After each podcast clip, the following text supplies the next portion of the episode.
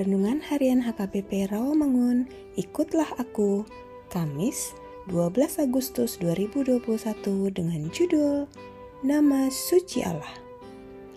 Bacaan kita pagi ini tertulis dalam 1 Raja-Raja 1 ayat 1 sampai 30 dan bacaan kita malam ini tertulis dalam Kisah Para Rasul 6 ayat 8 sampai 15. Dan kebenaran firman yang menjadi ayat renungan kita hari ini ialah Keluaran 20 ayat 7 yang berbunyi, Jangan menyebut nama Tuhan Allahmu dengan sembarangan, sebab Tuhan akan memandang bersalah orang yang menyebut namanya dengan sembarangan.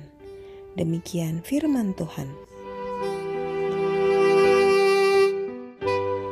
Dalam kehidupan sehari-hari, kita sering berkomunikasi dan berbagi cerita dengan menggunakan SMS.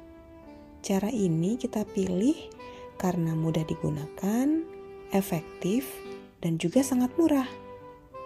Pada penerapannya, kadang kita menemukan dan membaca singkatan OMG untuk Oh my God atau Ya Tuhan. Kalimat terakhir ini sepertinya terlontar di bibir banyak orang yang tengah menerima berita mengejutkan.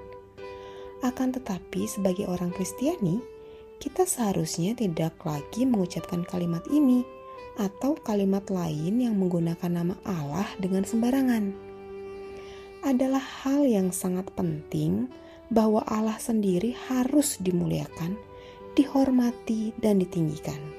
Dapat kita baca dalam Mazmur 34 ayat 4. Tuhan Yesus juga mengajarkan para muridnya untuk berdoa menguduskan nama Allah dalam doa Bapa kami, kita semua diajarkan untuk berdoa seperti Bapa kami yang di surga, dikuduskanlah namamu.